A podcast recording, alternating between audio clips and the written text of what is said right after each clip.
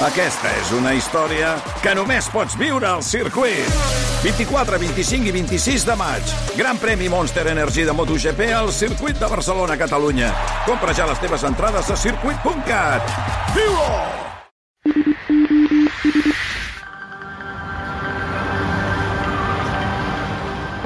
És un dimarts qualsevol, són la una del migdia i estic davant de la porta del Servei Meteorològic de Catalunya. Avui s'espera una jornada de temps tranquil, per tant, és un bon moment per entrar i conèixer com funcionen.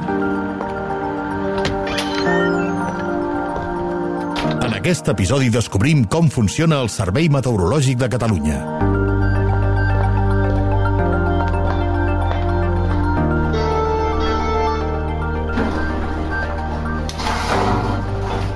Pujo fins a la quarta planta i quan surto de l'ascensor veig de seguida el logo del Meteocat que em dóna la benvinguda, un logo molt familiar per tots els meteoròlegs. I només entrar ja em trobo la Mariona Carreras, que és responsable de Relacions Institucionals i Comunicació que m'acompanya fins al despatx de la directora, la Sara Isarroca.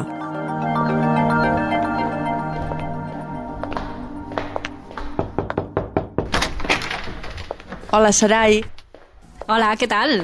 A punt de descobrir com funciona el Meteocat i qui millor que la seva directora per explicar-ho. Com li definiries als nostres oients, Sarai, què és el Servei Meteorològic de Catalunya? Som un organisme públic, som empresa pública i també som un servei públic. Per tant, estem configurats per explicar-vos el temps que farà, però també per donar servei a nivell de models meteorològics, a nivell d'estacions automàtiques, a nivell de radiosondatge, radars eh, i també sensors de llamps, i tot això vincular-ho a tothom que ho necessiti, ja sigui a un servei més d'ús privat o fins i tot a l'administració. Quan he entrat avui a l'edifici he pensat poca gent deu saber tot el que hi ha darrere del Meteocat. Tothom està molt acostumat a consultar la vostra pàgina web, sobretot per saber quin temps farà, aquells butlletins, aquells mapes amb els símbols, però quantes i quines àrees teniu aquí al servei? Doncs mira, de la part més tècnica tenim el que és la predicció i vigilància, que segurament és el que coneix tothom, perquè és on, és, on conjuntament amb protecció civil es fa la previsió del temps i es, i es consensua si s'ha d'activar o no algun pla d'emergència, ja sigui el Bencat, l'Inuncat, el, el que sigui. Després tenim l'àrea TIC, perquè nosaltres necessitem una gestió a nivell de tecnologia molt important, perquè eh, correm models meteorològics les 24 hores del dia, els 7 dies de la setmana. Tenim 12 models meteorològics i això implica molta feina. També tenim totes les estacions automàtiques que funcionen de forma ininterrompuda i donen informació al ciutadà a cada mitja hora a través de la nostra web. També radars meteorològics, tota aquesta vessant més de ferro, que en parlem nosaltres, doncs eh, tot això ha de tenir una vessant TIC que s'ha de gestionar i per això tenim una àrea específica. Després tenim la part més de modelització, que són els encarregats de tots aquests models meteorològics, doncs transformar-los en uns productes que després nosaltres eh, derivem a qui els necessiti, ja sigui, com et deia abans, entitats privades o no, i que puguin, per exemple, la gent d'agricultura, doncs possiblement necessitarà saber si eh, ha de fer eh, algun tipus d'afectació al regadiu o algun tipus d'afectació amb el cultiu, plat o ordi, què plantem aquest any? Doncs tot això nosaltres els podem ajudar a prendre aquestes decisions mitjançant alguns productes derivats d'alguns models meteorològics. Després tenim l'àrea de clima, on també analitzem eh, canvi climàtic o projeccions climàtiques. Després també hi ha tota l'àrea més de manteniment i infraestructures, eh? ja sigui de radar, radiosondatge, tenim també els sensors de llamps, que ara mateix també ampliarem la xarxa, i després també tenim una altra àrea que és del servei a l'usuari i al client, precisament per vincular aquesta part més administrativa, perquè hi ha unes tasques més de gestió que es desvinculen de la part tècnica i que també es porten des d'aquí. Tu ara fa just un any que has agafat la direcció del Servei Meteorològic i una de les coses que deies al principi és que et volies apropar més a la gent. Uh, ho estàs aconseguint? Una de les coses que he après és que aquí els tempos són molt lents. Llavors crec que estic al camí d'aconseguir-ho, però encara no he arribat a la meta i m'agradaria molt arribar-hi, però en un any encara, encara no ho he pogut fer tal i com tenim pensat. Eh? Sí que a finals d'aquest any, per exemple, podrem treure una nova web i probablement una aplicació mòbil i crec que això serà molt xulo i podrem arribar molt més al ciutadà d'una forma molt més immediata però mm, és veritat que ara eh, sí que hem ficat alguna novetat a la web que tenim, hem fet alguns passos també per començar amb el projecte de renovació de la xarxa de radars i de la xarxa de nyams, però tot està en procés. Eh? Totes aquestes coses que requereixen d'uns tempos que estem intentant batallar. I una cosa que sí que no dona molt temps és el tema de la sequera. És l'última pregunta que et volia fer, ja que és un tema molt d'actualitat. Com veieu els propers mesos? Veieu la situació molt complicada? Quines són les mesures que, que creieu que hem de prendre durant els propers mesos? Mira, amb el tema de sequera n'estem fent un seguiment molt acusat perquè crec que vam perdre una finestra d'oportunitat molt important a la tardor, en què eh, bé, a nivell de climes la tardor és quan, quan més ens plou a casa nostra i, i aquesta tardor, malgrat veníem amb, amb unes condicions que semblaven propícies, doncs no va ploure, teníem un mar molt calent, semblava que podia haver certa activitat que al final eh, eh, doncs va afectar sobretot més el País Valencià, la zona del sud del, de, de la península i a nosaltres no. no. Llavors, eh, clar, ara estem molt pendents del que passarà a la primavera. Probablement si la primavera fa el que hauria de fer, que tot sembla indicar que potser sí, doncs aturarem el cop. Però difícilment pal·liarem una situació de sequera que fa dos anys que arrosseguem. Llavors, la situació és greu i crec que s'ha de posar en context. Per això també, eh, des del Servei Meteorològic de Catalunya, en seguim fent seguiment, seguim alertant a la Comissió Bilateral de la Sequera i seguim encara doncs, amb negociacions per seguir intentant que les mesures que s'apliquin siguin el màxim de consensuades possibles a nivell doncs, de, de les restriccions que es puguin produir, perquè probablement n'hi haurà.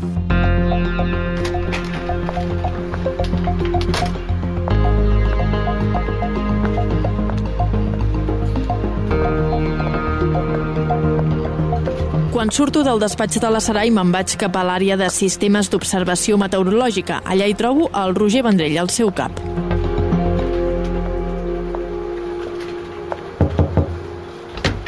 Hola, Roger, què tal? Hola, bon dia. A què et dediques tu aquí dins del Servei Meteorològic? Quina és la teva tasca i la teva feina? Uh, la meva tasca és sobretot ocupar-me dels equipaments del servei meteorològic. És a dir, hi ha una àrea que es diu de sistemes d'observació meteorològica en el qual el que fem sobretot és que funcionin el radar, les estacions meteorològiques, uh, la xarxa de detecció de llamps, el radiosondatge, tots els equipaments. La gent està molt acostumada que cada matí des de la ràdio els hi diem la temperatura que fa la seva ciutat, el seu poble o prop de casa seva, però no saben tot el que hi ha darrere de saber simplement aquesta temperatura, tota la feinada que hi ha, quantes estacions hi ha, com feu el manteniment, com són aquestes estacions? Al servei ara mateix tenim pràcticament 190 estacions automàtiques i una mica més de 100 de manuals. Les automàtiques requereixen pràcticament cada dia que un equip de manteniment vagi a les estacions a comprovar que funcionen bé, a calibrar els sensors o a, a agafar els sensors per després portar-los a calibrar i a verificar que tot funciona.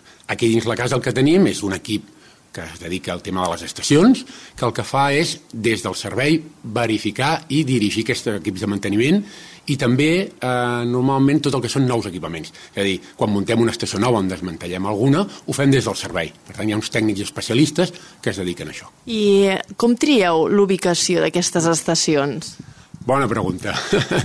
això de la, de la ubicació, nosaltres pràcticament cada setmana rebem eh, alguna demanda, algun ajuntament, algun organisme que ens diu ah, nosaltres voldríem una estació perquè aquí la temperatura, l'humitat és diferent del poble de baix, del veí... És normal. Clar, nosaltres no podem tenir una estació pràcticament a, a cada municipi. En tenim moltes, pràcticament 200 automàtiques i més de 100 de manual. Triem les ubicacions a partir d'estudis que el que fem és veure, a partir de la climatologia del país, que és molt rica i molt variada, doncs ubiquem en aquells llocs que veiem que hi ha un dèficit d'alguna de les variables meteorològiques. És a dir, normalment mirem la distància entre les estacions que tenim i en funció de la distància i també del relleu, que és molt important en, en, en la climatologia, i de la distància al mar, decidim, doncs, aquesta estació està massa a prop, ja la tenim coberta aquesta zona, i la posem a un lloc que estigui més descobert d'estacions. I la idea és anar ampliant aquesta xarxa que teniu? Uh, nosaltres tenim una, una de les xarxes més denses d'Europa, això també s'ha de dir, i compartim dades amb molts organismes internacionals i és una de les xarxes uh, això més denses, més reconegudes. Podem ampliar fins a un cert punt. La nostra capacitat econòmica i de personal no dona per gaires ampliacions. El que sobretot estem fent és això, treure d'on creiem que potser mm, ja està cobert per una altra estació i reubicar-les. El procés de reubicació, treure i alguna estació més, eh, n'hi ha per anys. És a dir, contem que en els pròxims 5 o 10 anys encara tenim feina per fer, hi haurà més zones que s'hauran de cobrir i hi haurà algunes que s'hauran de reubicar. Hi ha coses com, per exemple, eh, si hi ha una pedregada, la mida de la pedra, això les estacions en principi no ho poden detectar? No, les estacions normal no ho poden detectar, però des de fa uns anys vam comprar primer un equipament experimental de Suïssa que tenim dos granímetres automàtics i aquells dos granímetres, que un està situat a Girona i l'altre a Lleida, aquests sí que poden mesurar la mida de la pedra. Quin és el problema? Que, clar, només en tenim dos. Fer una xarxa d'això dic, no n'hi ha a nivell mundial encara, és molt costós i demana doncs, una sèrie de, de requisits eh, que són difícils de complir. Tenim una xarxa automàtica de grímeres, que només són dos, una xarxa perquè n'hi ha dos, però clar, t'hi ha de caure la pedregada en aquell punt específic on tens el sensor, i això és complicat. I també hi entrarien aquí en joc els observadors que teniu i els vigilants, no? Clar, aquesta és l'altra cosa. Nosaltres tenim la xarxa d'observadors meteorològics que consta d'observadors i vigilants i són aquesta gent realment qui ens fa els avisos, que es poden veure pel web, i qui ens informa de està pedregant o està caient calamarsa, de la mida, ara tenim el record nefast de, de la Bisbal, per exemple, i, i clar, això ho cobreixes, evidentment ara hi ha xarxes socials, però amb la xarxa d'observadors que són més de 100 persones que ens ajuden realment a detectar aquestes coses perquè amb aparells automàtics no s'arriba a tot arreu hi ha una cosa important de la feina que fem i és que aquí, en els últims anys, nosaltres no tenim la capacitat de fer el manteniment i d'estar sobre tot l'equipament que tenim repartit pel país, pel territori.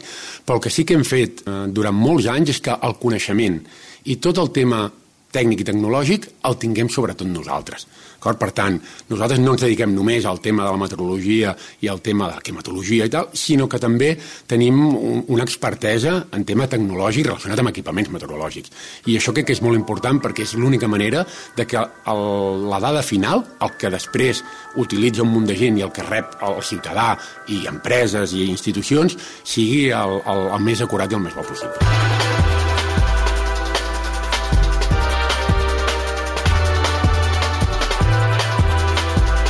I precisament totes aquestes estacions meteorològiques que recullen dades cada dia, a cada hora i a cada minut, sovint en són d'utilitat a tots, no només per saber el temps que està fent i equipar-nos de manera adequada, sinó també a l'hora de justificar, per exemple, un dany a casa nostra davant d'una assegurança.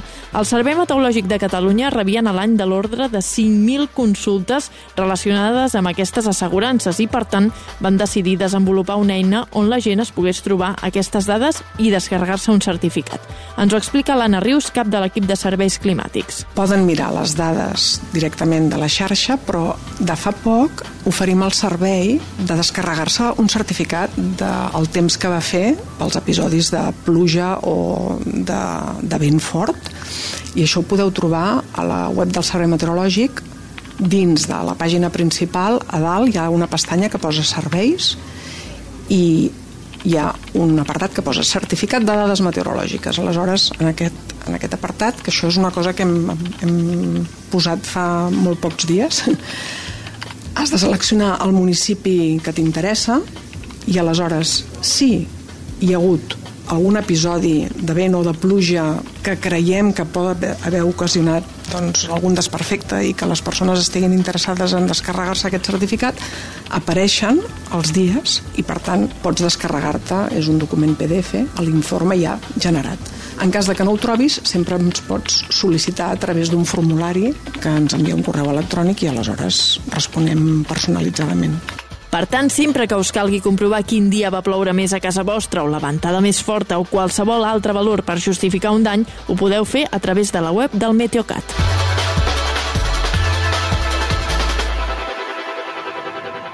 Oxigen.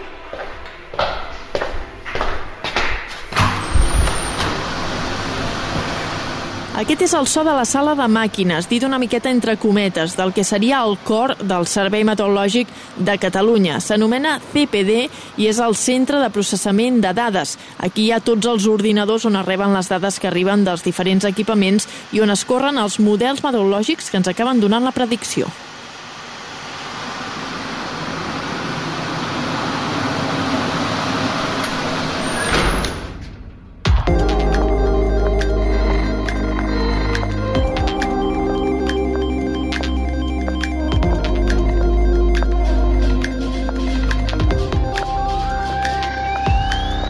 Ara anem cap a la sala de predicció i vigilància.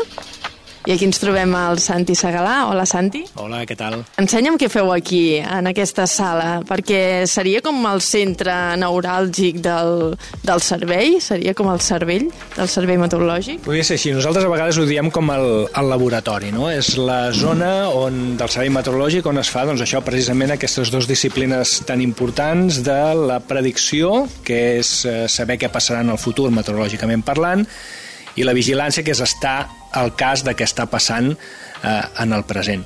Ara mateix eh, estem seient a la, a la taula de briefing, que anomenem, que és el lloc on l'equip de predicció i vigilància, format per, per tècnics i tècniques doncs això de predicció, cada dia realitzen dues reunions al dia en aquesta taula i en aquesta pantalla de projecció el que fem cada dia doncs, és això projectar informació meteorològica, models meteorològics que ens preparen els companys de l'àrea de, de recerca i modelització per tal de discutir la predicció meteorològica amb aquestes eines i arribar a un consens. És a dir, aquest és el, el nostre secret, per dir d'alguna manera, de, de, de, de treure la millor predicció possible. Nosaltres ens obliguem a que totes les persones que treballen a torns a la reunió del matí i a la reunió de la tarda doncs puguin eh, discutir aquests models meteorològics i ens obliguem a arribar doncs, a, a aquest consens. Llavors aquest consens, aquesta discussió, la riquesa precisament dels detalls d'aquesta discussió és la, el que creiem nosaltres que és la millor predicció meteorològica i a partir d'aquí doncs, cadascú va al seu lloc de treball i comunica amb les diferents tasques que té assignades cada torn doncs, la predicció meteorològica a través dels diferents butlletins, el butlletí general, el butlletí del Pirineu, el butlletí comarcal, etc. Sí, perquè ho entengui la gent, tot el que decidiu aquí és el que després ells, eh, mitjançant la pàgina web, per exemple, poden veure a nivell de mapa de símbols. No? Correcte. Per exemple, el mapa de símbols és un dels productes que realitzem a partir d'aquesta predicció, però també pot ser doncs, això una crònica de ràdio, pot ser un, un informe per a alguna empresa que ens demana o per un acte esportiu o una predicció específica, doncs, per exemple, per la, per la zona del Pirineu. En aquesta sala sempre hi ha algú? Sí, és a dir, nosaltres treballem 24 per 7 i per 365 dies l'any. De fet, la meteorologia no descansa ni, ni, ni nits, ni dies, ni caps de setmana, ni dies festius. I aquí tenim instaurat doncs, des de fa ja bastants anys un sistema de torns, és a dir, els predictors i predictores treballen a torns, matí, tarda, nit i cap de setmana, amb alguns torns de reforç i també de guàrdia per poder reforçar aquest equip doncs, en situacions meteorològiques més complexes i fa doncs, que en aquesta sala doncs, sempre hi hagi algú, sempre hi ha dos ulls d'un predictor vigilant precisament que les eines de teledetecció doncs, donguin la informació per poder reaccionar davant doncs, de, de fets més inesperats o mal previstos. Aquest és un dia a dia convencional, com si diguéssim, però si hi ha una situació de, de risc, de perill, una situació molt complicada, això canvia? Sí, canvia. Primer perquè canvia la feina, se'ns exigeix doncs, més feina. La primera de tot, els avisos. No? Quan ve una situació complexa, doncs nosaltres som els responsables de fer els avisos de situació meteorològica de perill, que van a protecció civil i a partir d'aquests avisos s'activen i es desactiven les diferents fases dels plans d'emergència, com poden ser l'INUNCAT, el VENCAT, o aquest estil, el Procicat, etc. Llavors, a partir d'aquí, què passa a la sala? Doncs que es reforça tots els torns eh, disponibles, els de reforç, els operatius i els de reforç, doncs tots estan a la sala. Avui en dia, alguns des de casa també, a causa de que ja tenim instaurat el teletreball, però la sala, evidentment, es, es reforça i aquí, doncs, a causa de que aquesta situació meteorològica doncs, requereix de més, eh, de més tensió, de més feina associada, doncs tenim més mans i més ulls per poder abastir doncs, aquests requeriments que se'ns requereixen. I a part d'això, vosaltres també feu una mica de tele, no? Perquè teniu aquí un estudi de gravació i la gent també des de casa pot consultar el pronòstic, el butlletí diari a través d'aquesta via, no? Correcte. De fet, la nostra feina no, no queda només en fer el briefing, fer la millor predicció meteorològica possible. Al final l'has de comunicar d'alguna manera i sí que tenim molts canals disponibles. Evidentment, un dels més importants és la web, que, del Servei Meteorològic de Catalunya, però també difonem la nostra predicció a través doncs, de mitjans audiovisuals. Aquí al costat, just a la sala de predicció, doncs, hi ha un plató, un plató de televisió, que té doncs, això, les característiques i els estàndards professionals de so i d'imatge per poder doncs, oferir uns vídeos amb qualitat professional, juntament doncs, amb la feina dels companys de realització, doncs, que evidentment un sense l'altre no, no, no tenen sentit, que el que fan és doncs, gravar, editar, realitzar i enviar les imatges, els vídeos, cap allà on correspongui.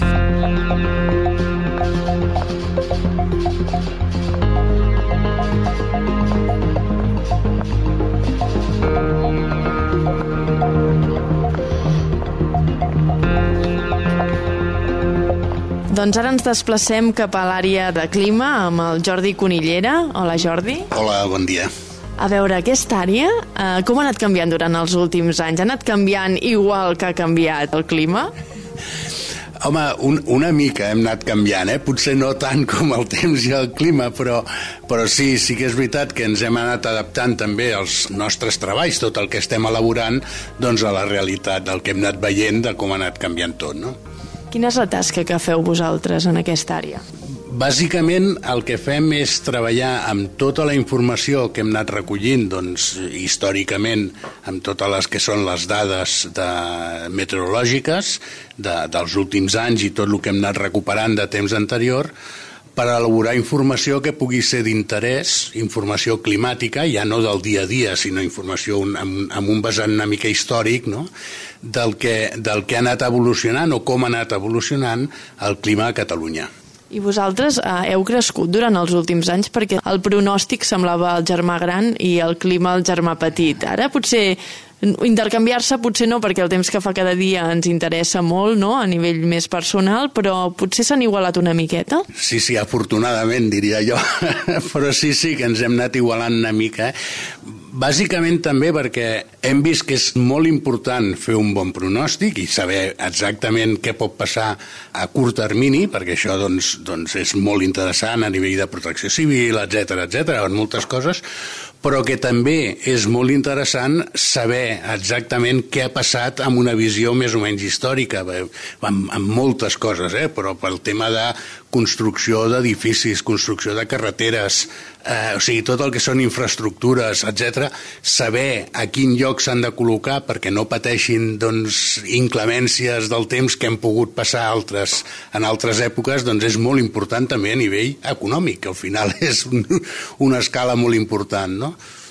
I els últims anys, si ja ens posem a mirar quins canvis hi ha hagut aquí a casa nostra, a Catalunya, eh, com a conclusions, com si diéssim, quins canvis heu anat veient que ja ha tingut el clima a nivell de, per exemple, sequeres o pluges eh, més torrencials? De fet, un dels canvis que és més evident i que totes les dades i tota la informació que anem tractant eh, ens ho indiquen és un augment molt clar de la temperatura i la temperatura realment, eh, allò que molta gent diu eh, mitjans del segle passat feia més fred, Sí, és veritat i no, no es pot eh, negar perquè és així. La temperatura en els últims 60, 70, 80 anys ha augmentat clarament.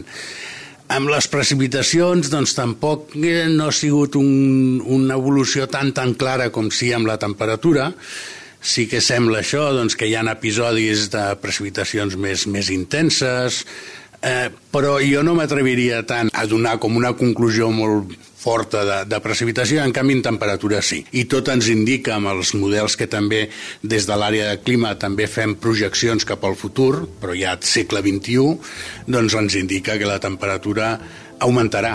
El grau d'augment depèn de com ens comportem nosaltres, els humans, però que clarament seguirà augmentant. I des de l'àrea de clima sou optimistes? optimistes. Si aconseguim convèncer a tots els països de, de, del que està passant i del que pot passar en el futur si no actuem, som optimistes, però ens costa, eh? Ens costa.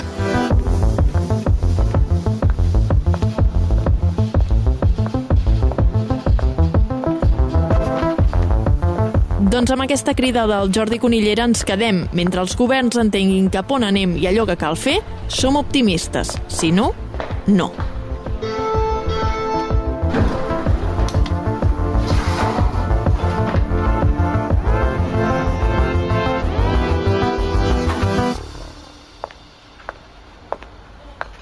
RAC més us ha ofert Oxigen, el podcast amb Mònica Usart i el disseny de so de Salva Coromina.